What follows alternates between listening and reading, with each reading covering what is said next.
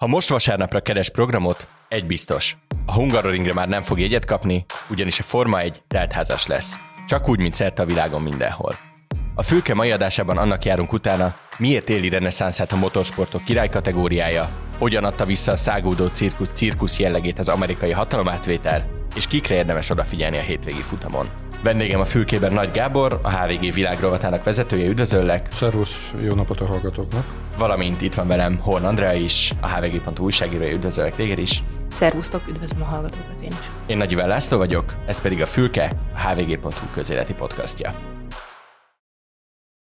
Ahogy ezt a bevezetőben is említettem, az elmúlt 5-6 évben a Forma egy abszolút kinőtte azt a korábban neki fenntartott skatuját, ami egy ilyen relatíve népszerű vasárnapi program volt, az most arra egy tömegtermékké vált, és ez nagy részben köszönhető annak, hogy tulajdonost váltott.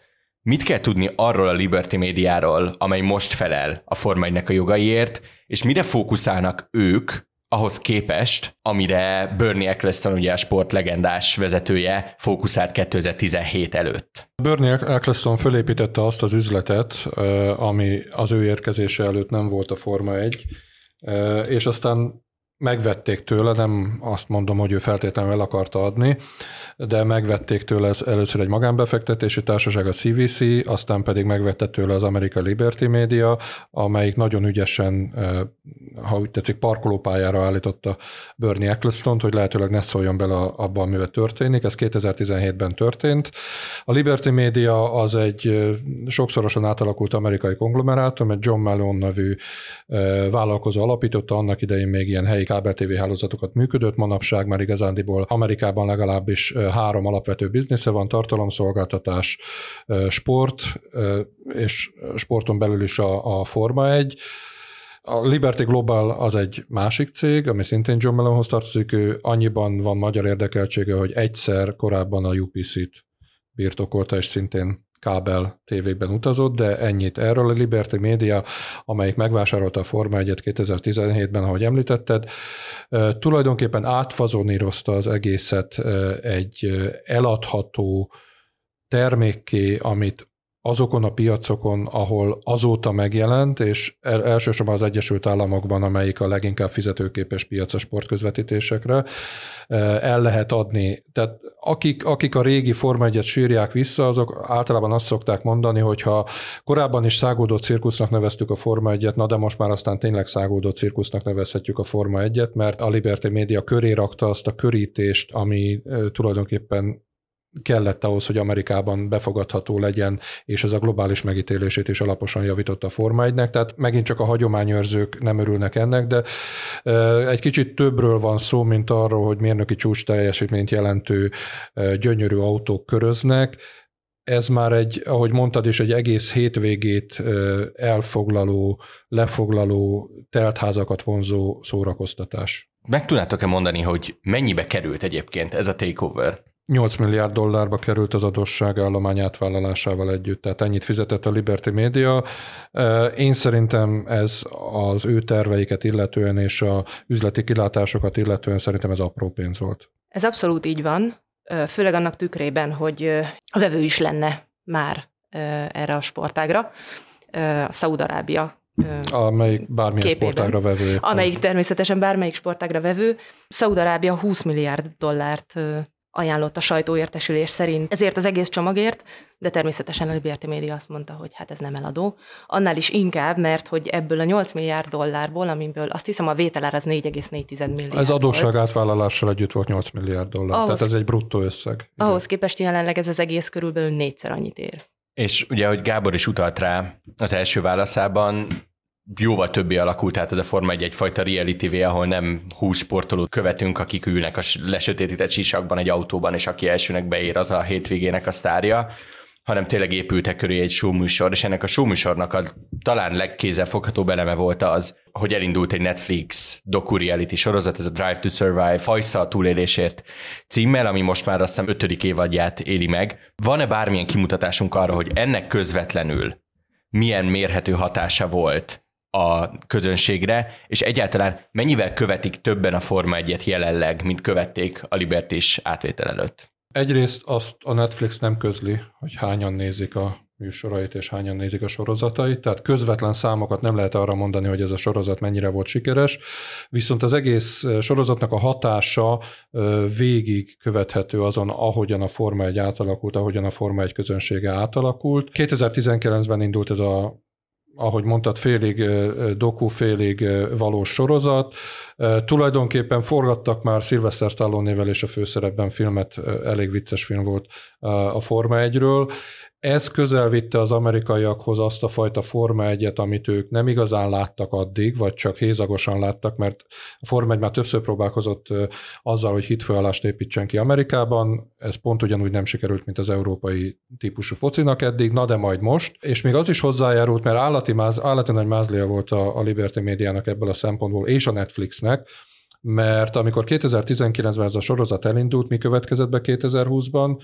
A koronavírus járvány, Mindenki az otthonába kényszerült, az összes streaming szolgáltató műsora iránt megnőtt a kereslet, és berobbant ide egy olyan filmsorozat, vagy soroz, tévésorozat a Netflix részéről, amelyik egy izgalmas, nagyon jól becsomagolt versenyt kínált, és megmutatni azt, hogy mi is ez a Forma egy azoknak az amerikaiaknak, akik más autóversenyekhez szoktak, ez volt az egyik dolog.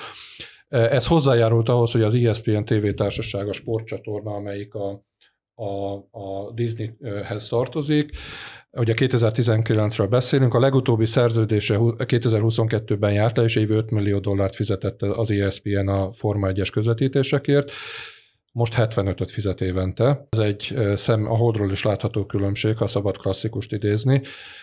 Ez volt az egyik dolog, a másik dolog pedig az volt, hogy ezzel egy beszéltem arról, hogy száguldó cirkusznak tekinthető most már az amerikanizálódással a Forma 1.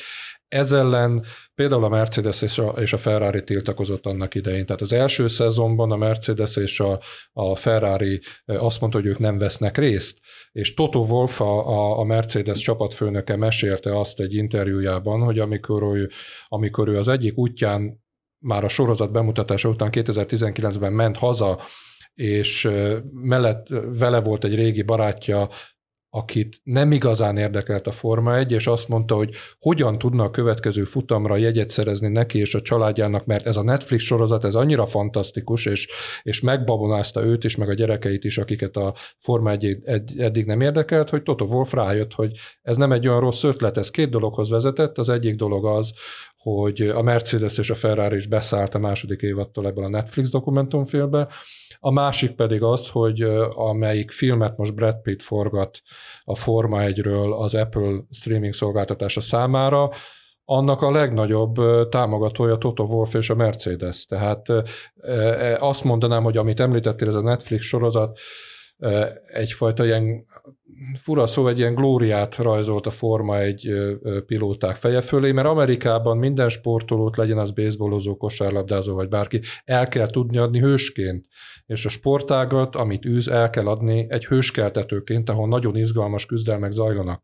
És én úgy gondolom, hogy részben a Netflix nem feltétlenül félig dokumentumfilm sorozatnak, részben pedig magának a Forma 1 ahogy, ahogy ezt átalakították, azzal, hogy a közvetítéseket, ha most megnézel egy közvetítést, és megnézel egy 2017 előtti közvetítést, már technikailag az is fantasztikus volt 2017 előtt, de a Liberty Media gyakorlatilag beülteti a nézőt az autóba. És az amerikaiaknak ez kell. És a nézőknek is ez kell, mert hát a nézettsége is mind a pályán, mind pedig a, a tévéképernyők előtt megnőtt.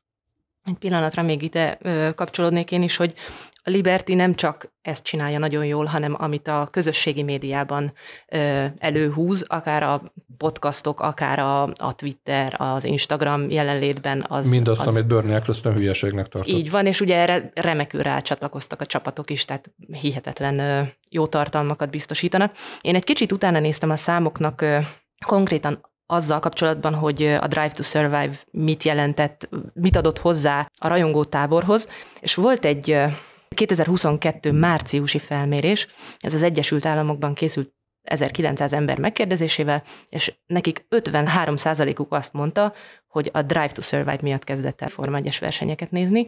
A rajongó bázis 2019-től 2022-ig 44,9 millióról 49,2-re nőtt, tehát ezért ez egy jelentős jelentős növekedés, és a versenyek nézettsége tavaly az ABC-n és az ESPN-en 1,21 század millió néző volt versenyenként, és ez volt az első év tavaly, amikor egy millió fölé emelkedett a nézettség ezeknek a futamoknak. Egyébként megnéztem azt is, hogy nagyjából a NASCAR és a, az Indy hogy alakul ehhez, az Indy, Indikár. Az Indy-nél az NBC-n 1,3 millió a nézettség futamonként, a NASCAR viszont ennél jóval többet tud, tehát a Daytona 500 van, hogy 8 millió fölötti nézettséget tud produkálni, és egyébként ott olyan 3 millió. Tehát ezért látszik, hogy az Indivel már azért nagyjából egy szintre kezd kerülni a Forma 1, viszont a NASCAR az még nagyon-nagyon messze van tőle.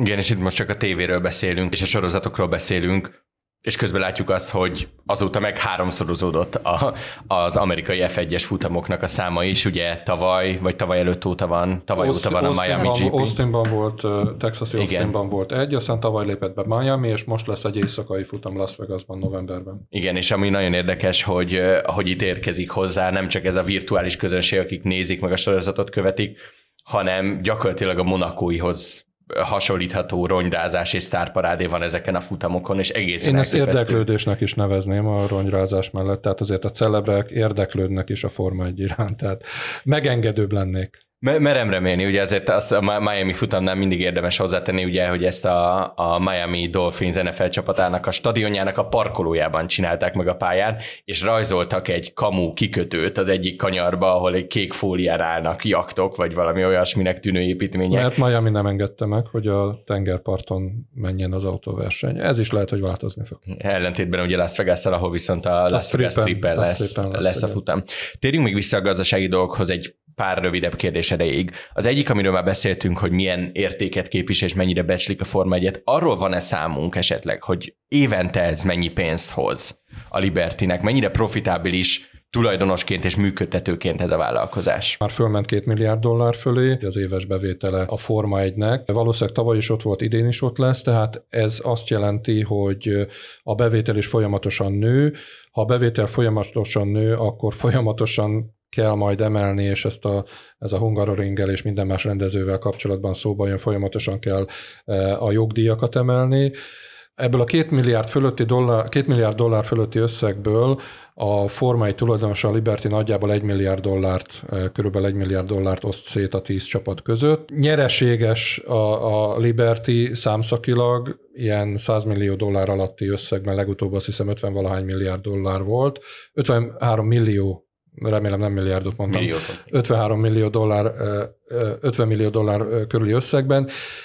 Igazándiból számszakileg ez, ez jó, hogy van, de a Libertynek ettől sokkal hosszabb távú célja, nyilván ezért nem adják el a szaudiaknak. Az, hogy ez a sport egy, egy, egy olyan működő gépezet legyen, ami jó a Forma 1 csapatoknak, jó a közönségnek, de mindenképpen jó a Liberty médiának, és ez az üzleti modell, ha úgy tetszik, egy turbót szereltek arra, hogy egy Forma 1-es hasonlattal éljek arra az üzleti modellre, amit Bernie Eccleston fölépített.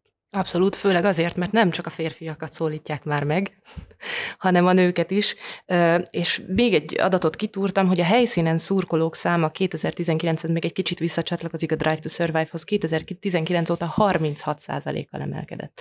Tehát iszonyatos vonzereje van tényleg mostanában a Forma 1-nek. Jól látszik, hogy ehhez például nem kell ahhoz, hogy grid görlök álljanak hiányos öltözetben a, az autók előtt ez is az Eccleston korszak része volt, ez is és ezt is meghaladták. Igen. És ez nagyon jó, hogy így történt. Igen, egyébként tényleg elképesztő. Tehát én tavaly voltam kint egy szabad edzésen pénteken, és hömpölygött a tömeg a pálya körül, csak azért, hogy néhányszor lássuk egy kanyarban elsuhanni a versenytempót gyakorolgató autókat. Elképesztő, hogy, hogy itthon is mennyire érzékelhető, és tényleg teltház van vasárnapra, tehát még a resale oldalakon is nagyon túlárazva egy-kettő egyet lehet elcsípni. Viszont szóba került már többször is Szaudarábia, és, és itt van egy pont, ahol belefut egyfajta etikai dilemmába az az egész F1 management. Mert ugye látjuk azt, hogy, hogy ezt az egészet azért a pénz motiválja, mert minden rajongó és minden néző az pénzt jelent a Libertinek. És látjuk azt is, hogy közben ezt a platformot, amit kialakítottak, azért próbálják itt-ott azért jó ügyekre használni, Emlékezzünk arra, hogy van LMBTQ elfogadási kampány, ugye ez a We Race as One nevű kampány, vagy emlékezzünk arra, hogy mondjuk Louis Hamilton mellett hogyan kiálltak akkor, amikor a Black Lives Matter mozgalomnak az ügyét vitte be a pályára és a pedokba.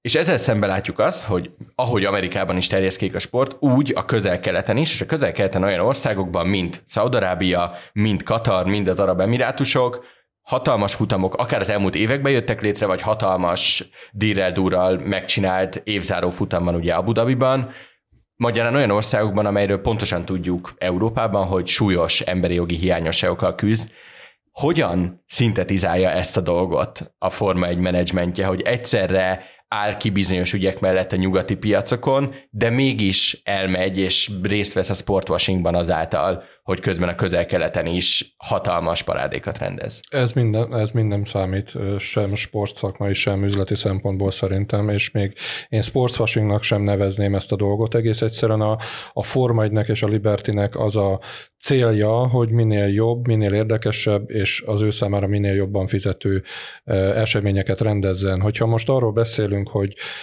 egy mostani Forma 1-es idényben öt olyan ország van, ahol a te szavaiddal élve emberi jogokat nem úgy kezelik, ahogy Európában ez ugye Bahrein, Szaudarábia, Katar, az Egyesült Arab Emírségek és Azerbajdzsán csodálatos Forma 1-es futamokat rendeznek. Katar megrendezte úgy a, a tavaly évvégi labdarúgó világbajnokságot, hogy ők sem kifejezetten arról híresek, hogy tisztelik az emberi jogokat vagy a női egyenjogúságot, és előtte úgy építették meg a stadionokat, hogy halára dolgoztatták a vendégmunkásokat, és még azt is meghúzták röviddel a világbajnokság kezdete előtt, hogy fölrúgták azt a megállapodást, amit a Budweiserrel kötöttek a sörárusításról, és mégis volt egy sikeres labdarúgó világbajnokság. Tehát én úgy gondolom, hogy ebben az értelemben legyen szó LMBTQ jogokról, legyen szó emberi jogokról, kicsit erősebb ütőlapjai vannak annak, hogy a, a részint a sportot elvigyék azokba az országba, látványosságokat teremtsenek, és ez üzlet legyen. Ja, ide kapcsolódik az, hogy Stefano Domenicali, aki a Libertinél a Forma egy részleg főnökének tekinthető, ő azért próbál, tehát érz, érzik azért a Forma 1-nél, hogy ezt azért egy picit magyarázni kellene, és, és fel is tesznek ezeket a kérdéseket újságírók természetesen akár neki is, és ő próbálta magyarázni a bizonyítványt, olyan érveket hoz, hogy amit a Gábor is említett, hogy fontosabb elvinni a futamot, vagy a versenyeket ezekbe az országokba is, hogy aztán ezeken keresztül a sport által nyújtott soft power segítségével aztán ott változásokat érjenek el, aztán ezt most úgy értékeljük, ahogy értékeljük, tehát nyilvánvaló, hogy például Abu Dhabiban, ahol viszonylag régóta van futam, nem történtek olyan változások, amelyek mondjuk annak tudhatók be, hogy ott a forma egy megjelent. Ilyenkor általában ezekre a problémákra tényleg a versenyzők hívják fel a, a figyelmet. Annak idején Fettel szervezett gokárt versenyt Szaudarábiában lányoknak, nőknek, ahol ugye az országban, ha jól emlékszem, 2018 óta vezethetnek egyáltalán a nők ez egy ilyen kis fricska volt.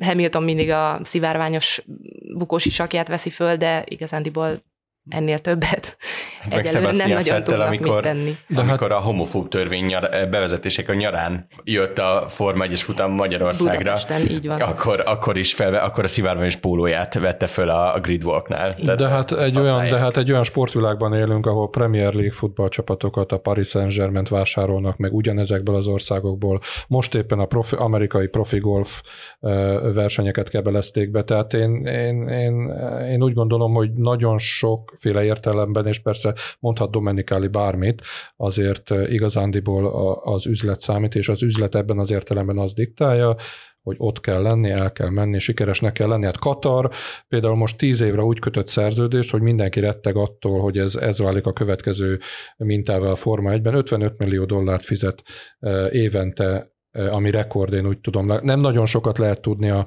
a Forma 1-es futamok rendezési jogáról, de akik erről hallottak, azok azt mondják, hogy még soha senki ennyit nem fizetett, mint Katar évi 55 millió dollár csak azért, hogy megrendezhesse a Forma 1-et. És ha ezt hozzátesszük azt, hogy érkezik egy ilyen Szaudarábia ajánlat, tehát tulajdonképpen azt lehet mondani némi túlzás, hogy mellényzsebből kifizetik ezek az öbölmenti monarchiák azt a jogot, hogy ott legyen egy Forma 1, és cserébe, amit említettél, cserébe még azt is elnézik, hogy Hamilton az, az LMBTQ jogokat, vagy a BLM mellett áll ki, mert azt mondják, hogy hát ez egy hétvégét tart, Szaúd-Arábiában, Katarban vagy másút, aztán, ahogy a világbajnokság is 30 eh, napot tartott, vagy bő egy hónapot tartott, aztán vissza minden a rendes kerékvágásba. Tehát az éremnek szerintem ez a másik oldala, hogy ők is érzik azt, hogy ilyen módon bekapcsolódnak a globális sportba és a globális üzletbe, erre bőven van rá pénzük, akkor nekik ez az egy hét, egy, ez, a, ez az egy hét vagy hétvége, amit a Forma 1 képvisel, vagy az egy hónapos világbajnokság megéri. A szaudiak is hasonló összeget fizetnek egyébként, ha jól emlékszem, az ők is 50 millió fölötti összeget, Arról nem beszélve, hogy ugye Szaúd-Arábia és az ottani ö, állami olajcég, ez gyakorlatilag a legnagyobb szponzora. Aramco, Saudi Aramco, a legnagyobb szponzora a Forma 1 és ha jól emlékszem, a Hungaroringnek is. És aztán mindenféle más igen, sportágnak igen, is. Igen, igen. Még egy kritika van, ami nagyon gyakran felvetődik a Forma 1 kapcsolatban, nyilván azon túl, hogy vannak, akik rettenetesen unalmasnak tartják, de ez már ízlés kérdése. Főleg az, hogy miért éltetjük azt, hogy autók mennek körbe-körbe, és rengeteg üzemanyagot égetnek el és juttatnak káros anyagokat a levegőbe, és talán ennél sokkal súlyosabb fenntarthatósági kérdés, és kevesebbet esik szó arról, hogy most már 23 versenyre nőtt ez a versenykalendárium, és keresztül kasul utazzák az, a világot ehhez, sokszor akár logikátlanul is, hogy nem, nem régióként mennek körbe a világon, hanem az alapja, hogy ki hol vette meg a spotját, vagy hogyan lehet jól összeszervezni, hogy szárazföldön vagy tengeren közlekednek bizonyos helyek között, akkor úgy rakják össze a naptárat, és számtalanszor körbeutazzák a világot csak azért, hogy a száguldó cirkuszt elvigyék mindenhova.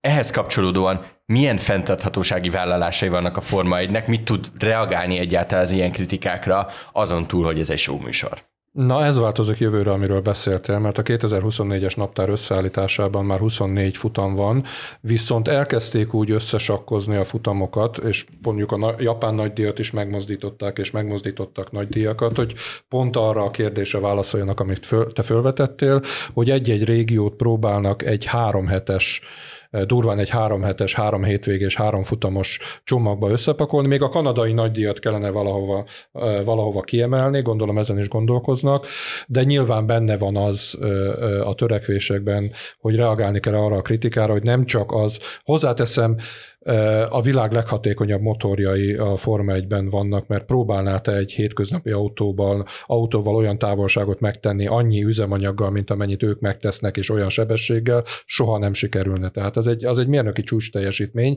annak minden árával, tehát környezetvédelmileg én nem gondolom, hogy egy Forma 1-es futamban az autók kibocsátása az egy átlagos budapesti csúcsforgalomnál nagyobb kárt okozna. Az valóban egy probléma, amit említettél, hogy ezeket a dolgokat utaztatni kell a világon. Erre is van egy ö, megoldás, amit mondtam a jövő a 2024-es szezontól. A másik viszont az igény. Tehát, hogyha, hogyha beszélünk az Indikáról, beszélünk a NASCAR-ról, van egy szép szó erre az amerikai angolban, a petrolhead, tehát azok, akik, akik, akik szurkolók, azok azért mennek ki, hogy beszip, beszippantsák a benzin szagot, hogy olyan autókat lássanak, amelyik égetik a benzint. Van kísérlet arra, hogy ugye elektromos futamokat tartsanak, oda kimegy az ember, a szurkoló kimegy, és akkor azt mondja, hogy hát ezek halkak, tehát nem is hallott, hogy mert tehát szó sincs arról olyan, hogy, hogy kipörgeti az autót a, a, a kanyarban, vagy húz egy, nyom egy, egy padlógázt a, a futamban, hanem ott, ott, ahogy hallasz egy autót, egy elektromos autót, és abban nincs izgalom. Tehát akik autóversenyre járnak, és most már ugye a nők is járnak, családok is járnak autóversenyre, de azért alapvetően férfiak járnak, ők üvöltő autóhangot akarnak hallani. E, igazándiból én úgy gondolom, hogy a sportágnak, ha már ökológiai lábnyomról vagy, vagy környezetről, környezetvédelemről beszélünk, az elsődleges feladata az, hogy ez az üvöltő hang minél kevesebb e, e, kibocsátása, környezetvédelmi kárral jöjjön össze, és tényleg emlékezhetünk arra, hogy, hogy nem is olyan régen a Forma 1 még tankolni lehetett menet közben, és azóta annyit szigorodtak a, a mindenféle szabályok, technikai szabályok, hogy most egy tank üzemanyaggal, benzinnek nem nevezném, mert ugye nem az a fajta benzin, amit mi tankolunk a, a kutaknál, de egy tank üzemanyaggal végig mennek 70-72 kört. Tehát a dolog valahol, és ez persze olyan, mint az űrkutatás, meg a katonai kutatás, hogy ezek a fajta technológiák, amiket a Forma 1-ben kifejlesztettek, ezek lemennek a, a hétköznapi autókba is. Tehát a dolog szerintem sokkal komplexebb annál, mint hogy most ezt felcímkézzük azzal, hogy retteltesen környezetszennyező, vagy sem. És ugye a másik, hát mondjuk azt, hogy a koordinátorrendszeren a másik tengely az nem csak az, hogyha azt növeljük, hogy hány helyre megyünk el, hanem hogy hányan megyünk el. Hogyha nem tévedek, olyan terv is van a Forma 1-ben, hogy az a mezőny bővüljön, amely most már azért egy jó pár éve be van állva erre a 10 csapat 20 autós berendezkedésre. A Nemzetközi Automobil Szövetség részéről, amelyik felügyelő a Forma 1-et, van egy igény, hogy a jelenlegi 10 csapat helyett több legyen. A Liberty Media részéről is van egy igény, hogy ne csak több futam legyen, hanem több csapat is legyen. Nyilván több csapat, több néző, több pénz, kevesebb teher esik egy csapatra, hogyha mondjuk 24 vagy nagy. A Concord megállapodás szerint 2025-ig nem lehet növelni a futamok számát, azután pedig minden a tárgyalásokon múlik.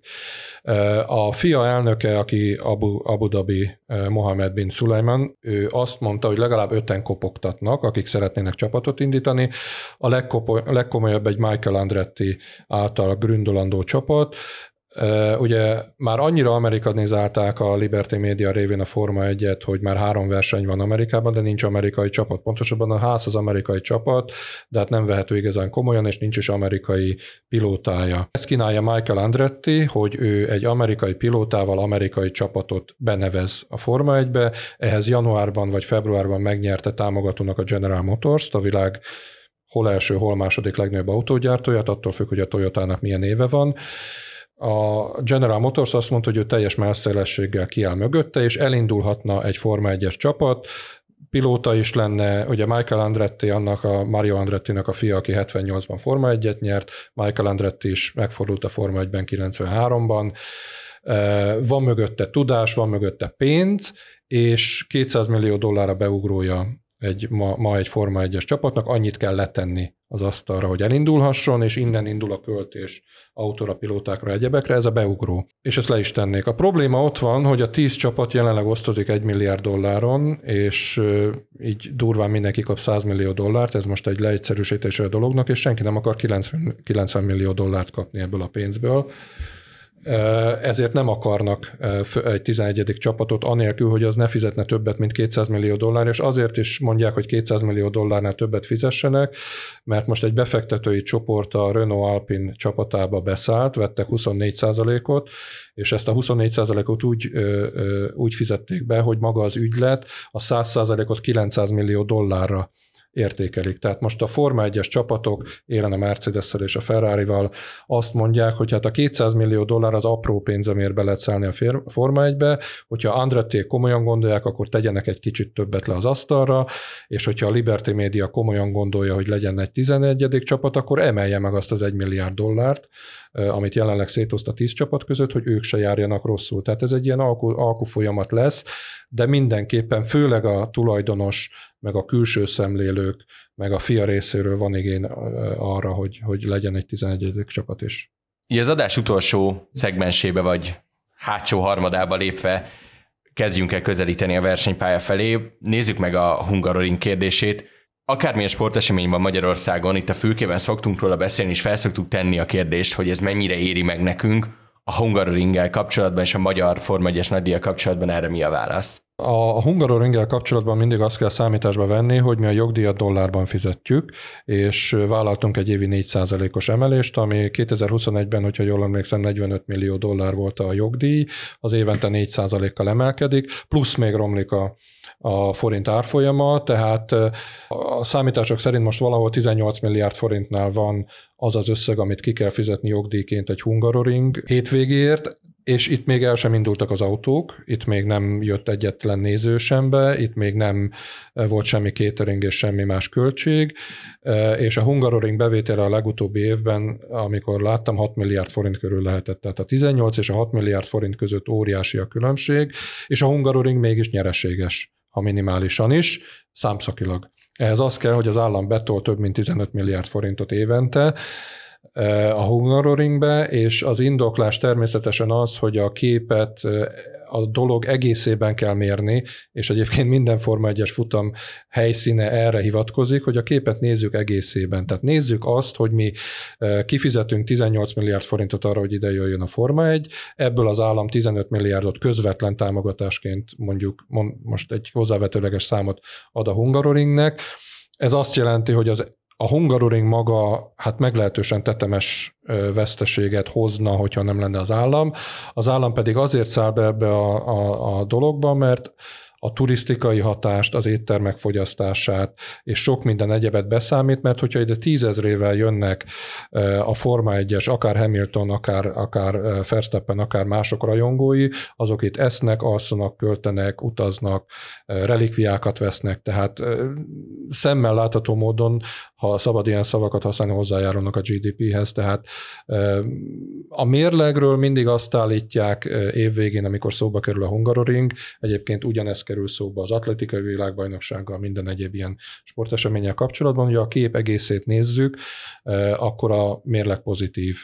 Nem vagyok benne biztos, hogy minden esetben pozitív, de úgy gondolom, hogy a Forma egy esetében, hogyha a nagy képet nézzük, azért akkor az pozitívnak kell, hogy legyen. Azt szokták említeni, hogy 80-20 százalék a külföldi és a magyar rajongók aránya egyébként, akik kilátogatnak a verseny hétvégékre. Ugye most a költségek abból a szempontból fognak jelentősen megemelkedni, hogy jelenleg csak 2026-ig van a Hungaroringnek lehetősége Forma 1 futamot rendezni.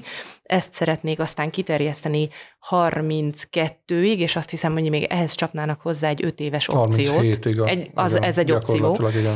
Ehhez azt mondta Gyulai Zsolt, a Hungaroring Sport ZRT elnöke, hogy az szükséges, már 2026-ban, hogy elkészüljenek azok a felújítások, azok a rekonstrukciós munkák, amelyeket a Liberty elvár. Ez, erre azért van szükség, mert ez egy elég régi pálya. Ugye ez a második legrégebben szereplő pálya jelenleg a naptárban a monakói nagydíj után.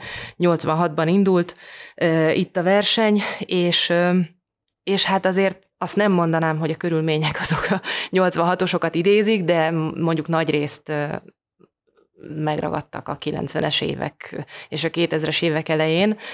Nem mindenhol ideálisak a munkakörülmények, sem a csapatoknak, sem mondjuk az újságíróknak, és ezt nagyon komolyan fogja venni a Liberty. Ezt egyébként minden európai futamnál, minden klasszikus európai futamnál nagyon komolyan veszik a fejlesztések teljesítését, pontosan azért, mert a sót azt szolgáltatni kell, és olyan szinten szükség van a bővítésre, hiszen olyan szintű a kereslet, hogy nem lehet, egyáltalán nem tudják megrendezni olyan körülmények között a futamokat, amik ilyen körülmények között mondjuk 5 vagy 6 évvel ezelőtt még mondjuk képesek lettek volna. Hát so, a rendezésért is sorban állnak, nem csak a Forma 1 szeretnének belépni csapatok, a rendezésért is sorban állnak országok és városok, és ez azt jelenti, hogy a Liberty Media, egyébként Bernie Eccleston is híres volt arról, hogy előírta azt, hogy, hogy milyen fejlesztések legyenek nem csak a Hungaroringen, hanem bárhol, főleg amikor következett a következő x éves időszak szerződésének a tárgyalása, akkor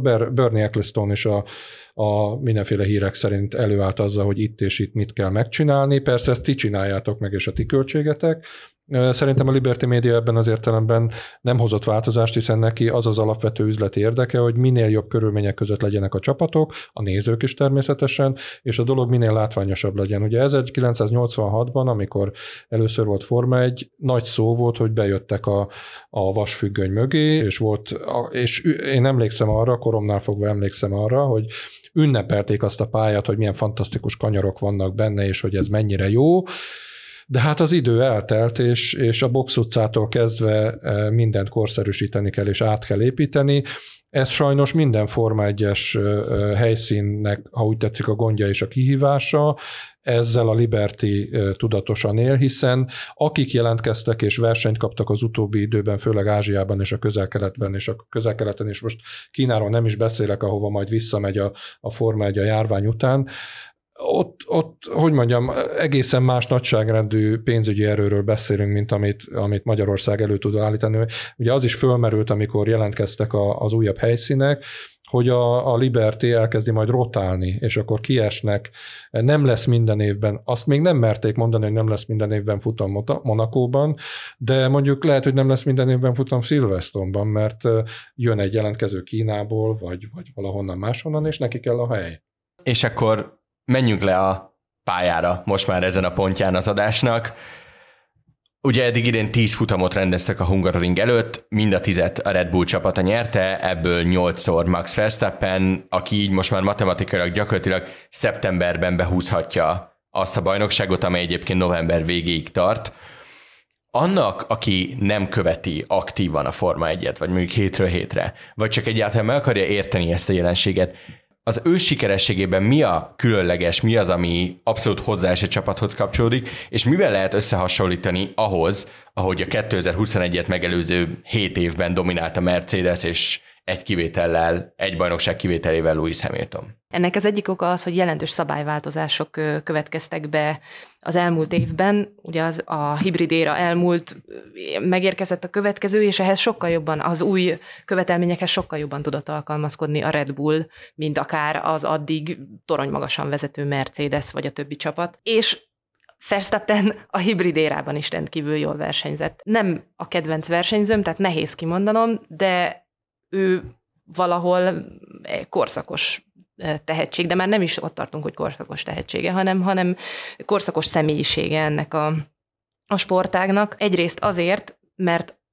azt az autót, bármelyik autót, amit megkap, nagyjából a legjobb ö, körülmények között képes ö, használni, tehát képes mindent kihozni abból, ö, amit a mérnökök alá tesznek, míg mondjuk a csapattársát meg lehet figyelni. Nyilván a csapata odafigyel arra, hogy a csapattársa ne jelentsen közvetlen veszélyt az ő pozíciójára a pontversenyben, de Verstappen mégis valamiben minden csapattársánál jobb. Ez egyrészt adódhat abból, hogy Isten adta tehetség. Ö, aztán ott van, ott van benne, hogy rengeteget dolgozik azért, ö, hogy mindig a csúcson legyen. Ö, ott tartottunk legutóbb, arról beszélt, hogy már a motorhómjába, amelyikkel közlekedik egyébként a csapattal a versenyek között már a motor hómjába is szimulátort szeretne, hogy a versenyek között is tudjon szimulátoron dolgozni, és ott is folyamatosan tudja tesztelni a különféle beállításokat.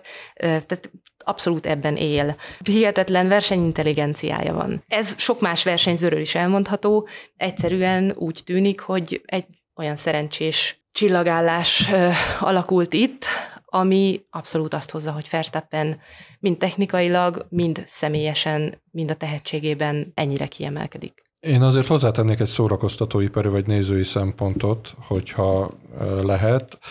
A Verstappen szurkolók vagy a Red Bull szurkolók biztos baromira örülnek neki, hogy sorban nyeri a futamokat, és már eh, hónapokkal a legutolsó futam előtt, aminek a legutolsó futam rendezői nem feltétlenül örülnek, eldől a, akár a konstruktóri, akár, az egyéni világbajnoki cím, eh, de mégis, hogyha a Liberty Media szemszögéből nézem, vagy a semleges szurkoló szemszögéből nézem, azért Lewis Hamilton és Michael Schumacher 7-7 világbajnoki cím előtt le a kalappal, és tényleg fantasztikus teljesítmény de valószínűleg a végére, amikor már a hatodik, hetedik világbajnoki címét nyerte akár Schumacher, akár Hamilton, a nem nekik szurkoló nézők már egy kicsit unták a dolgot, hogy már megint ők nyernek. Tehát biztos nagyon jó csapat a, a, akár a Manchester City, akár a Real Madrid, akár bármelyik másik, de ha hatszor egymás után megnyeri a bajnokok ligája döntőjét, az nem biztos, hogy az nem biztos, hogy jó magának a bajnokok ligájának elnézést ezért a focis hasonlatért, de megint csak, a, megint csak a koromra hivatkozva, lehet, hogy azok, akik a Forma 1 szeretik, azok jobban örülnek egy,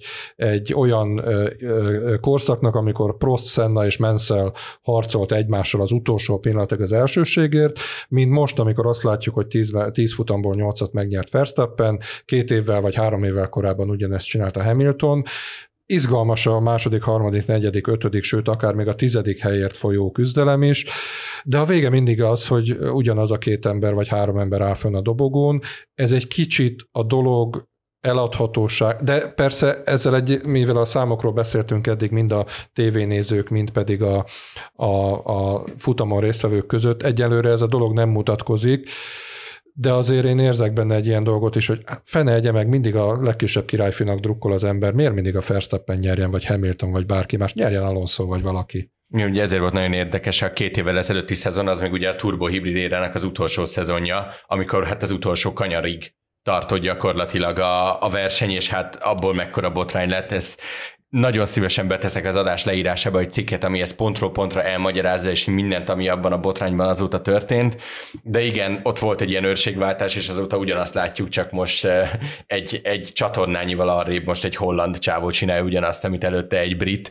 Ugye a Verstappen egyébként, ugye még két dolgot kötnék rá a show értékre, az egyik az, hogy ezért volt nagyon jó a Drive to Survive megérkezése, mert azokban a szezonokban jött még meg, amikor a Mercedes leuralta a mezőnyt, és akkor az emberek találkozhattak a kis csapatoknak, és ugye Mercedes nem is vett részt az első évadban, és akkor lehetett látni, hogy egyébként tök nagy küzdelem megy a pontszerzésért, egyébként küzdenek egymás ellen a csapattársak, és nagyon-nagyon sokat tudott hozzáadni egyébként a többi csapatnak a népszerűsége is, és ahhoz, hogy lehessen nekik szurkolni. A másik pedig, mint elem, azért a Verstappen hozzáállása az azért rendkívül látványos és szórakoztató dolgokat tud összehozni. Azt hiszem két verseny hétvégével ezelőtt csinálta meg azt, hogy az utolsó előtti körben kiállt kereket cserélni, csak azért, mert plusz egy pont jár a leggyorsabb körért a versenyben, és inkább megkockáztatta az, hogy elromlik valami a kerékcserénél, vagy kicsúszik, vagy hibázik, amíg hideg keréken, csak hogy ővé legyen a leggyorsabb kör, és azt is behúzta, tehát azért van benne egyfajta ilyen nagyon-nagyon makacs versenyezni akarás, még akkor is, amikor talán már többet tesz kockára a kelleténél, pláne egy ilyen szezonban. Viszont még két apróbb kérdésem van versenyzőkkel és autókkal kapcsolatban.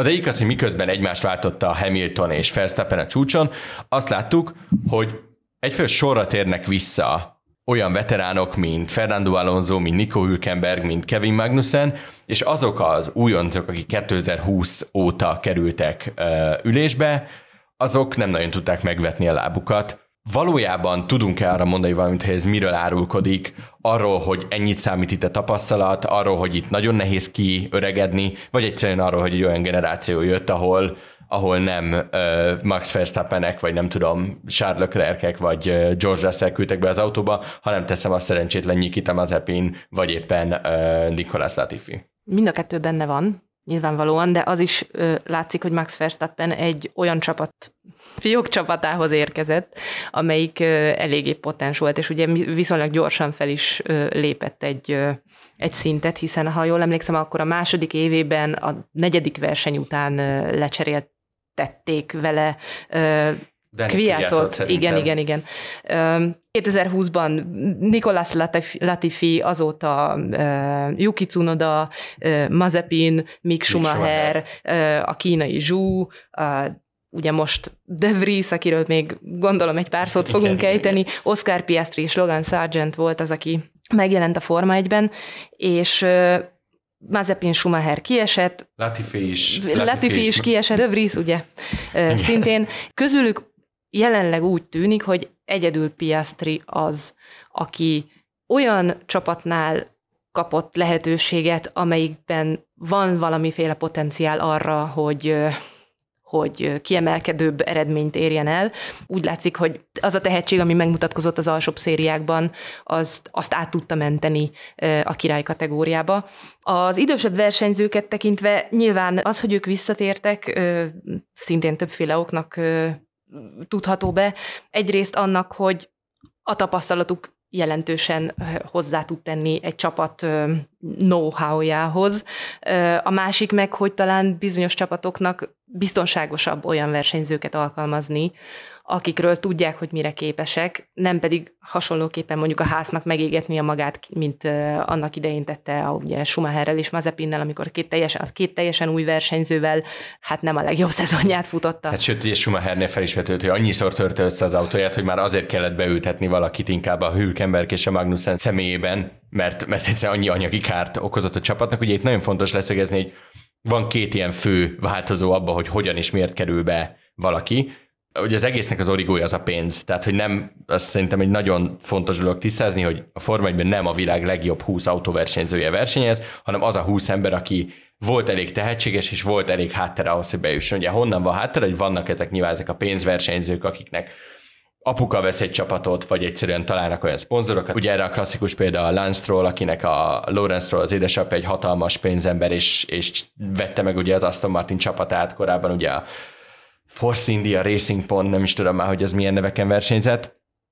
és ugye látszik az is, amikor, amikor bejön most, bejött a Logan Sargent, aki egy amerikai pilóta, a Guan Yu Zhou, aki egy kínai pilóta, ott is elég nagy szponzorok vannak mögöttük, illetve ugye vannak ezek a versenyző akadémiák, akik megteremtik ezt a hátteret, és cserébe várják el az eredményeket, és ahogy említetted Nick de Vries, azért látjuk ennek a legkegyetlenebb példája, amit a Red Bullnál gyakorlatilag másfél szezononként átlagban összehoznak, hogy most egy újoncot tíz futam után ki is vágtak, viszont ezért nem nagyon sokan búsulnak, mert aki ugye beül a helyére, az viszont az a Daniel Ricciardo, aki többek között a Libertinek köszönhetően a legnépszerűbb arc ennek a sportnak, úgy, hogy egyébként eddig az elmúlt tíz futamon harmadik számú pilóta volt a Red Bullnál, az a Ricardo, akiről mindenki tudta, hogy nagyon tehetséges, és nyolcszoros futamgyőztes Red Bullban nagyon jó évei voltak, az ő pocsék, Renault és McLarenes évei után van-e bármilyen reális esélye annak, hogy ő itt föltámad és újra egy potens versenyző lesz, vagy egyszerűen ez egy tök jó esemény a Libertinek, hogy így jött ki, hogy pont azt ültetik vissza, aki a legnépszerűbb ebben az egész sportákban egyszerű személyiség által. Hát ezt nyilvánvalóan jól el lehet adni, eh, úgyis, mint egy fordulatot, majd a jövő évi Netflix sorozatban és biztos, hogy Ricardo bizonyítani akar, mert ugye a szezon végéig, elvileg a szezon végéig kapta meg ezt a lehetőséget. Ugye ő azt mondta, amikor tavaly nem túl szép körülmények között távozott a McLaren-től, hogy csak akkor fog visszatérni, hogyha olyan csapathoz térhet vissza, amelyben megvan lehetősége, hogy versenygyőzelmekért harcolhasson.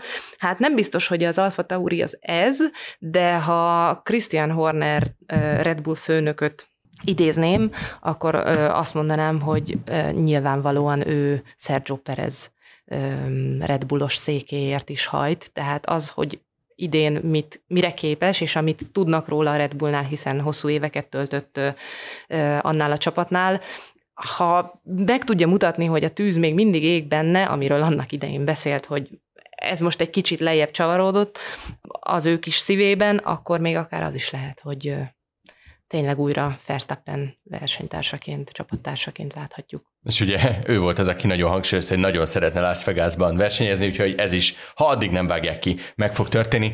Andi, Gábor, nagyon szépen köszönöm, hogy itt voltatok, a hallgatóinknak pedig köszönjük szépen a figyelmet. A fülke hamarosan folytatódik, addig is iratkozzanak fel a hvg.hu podcastokra és kapcsolják be az értesítéseket, hogy ne maradjanak le üzleti műsorunkra a Mérlegerről, Bábel Vilmos podcastjáról, az Elviteréről, valamint a Zcast friss epizódjairól sem. Én Nagy Iván László vagyok, viszont hallásra!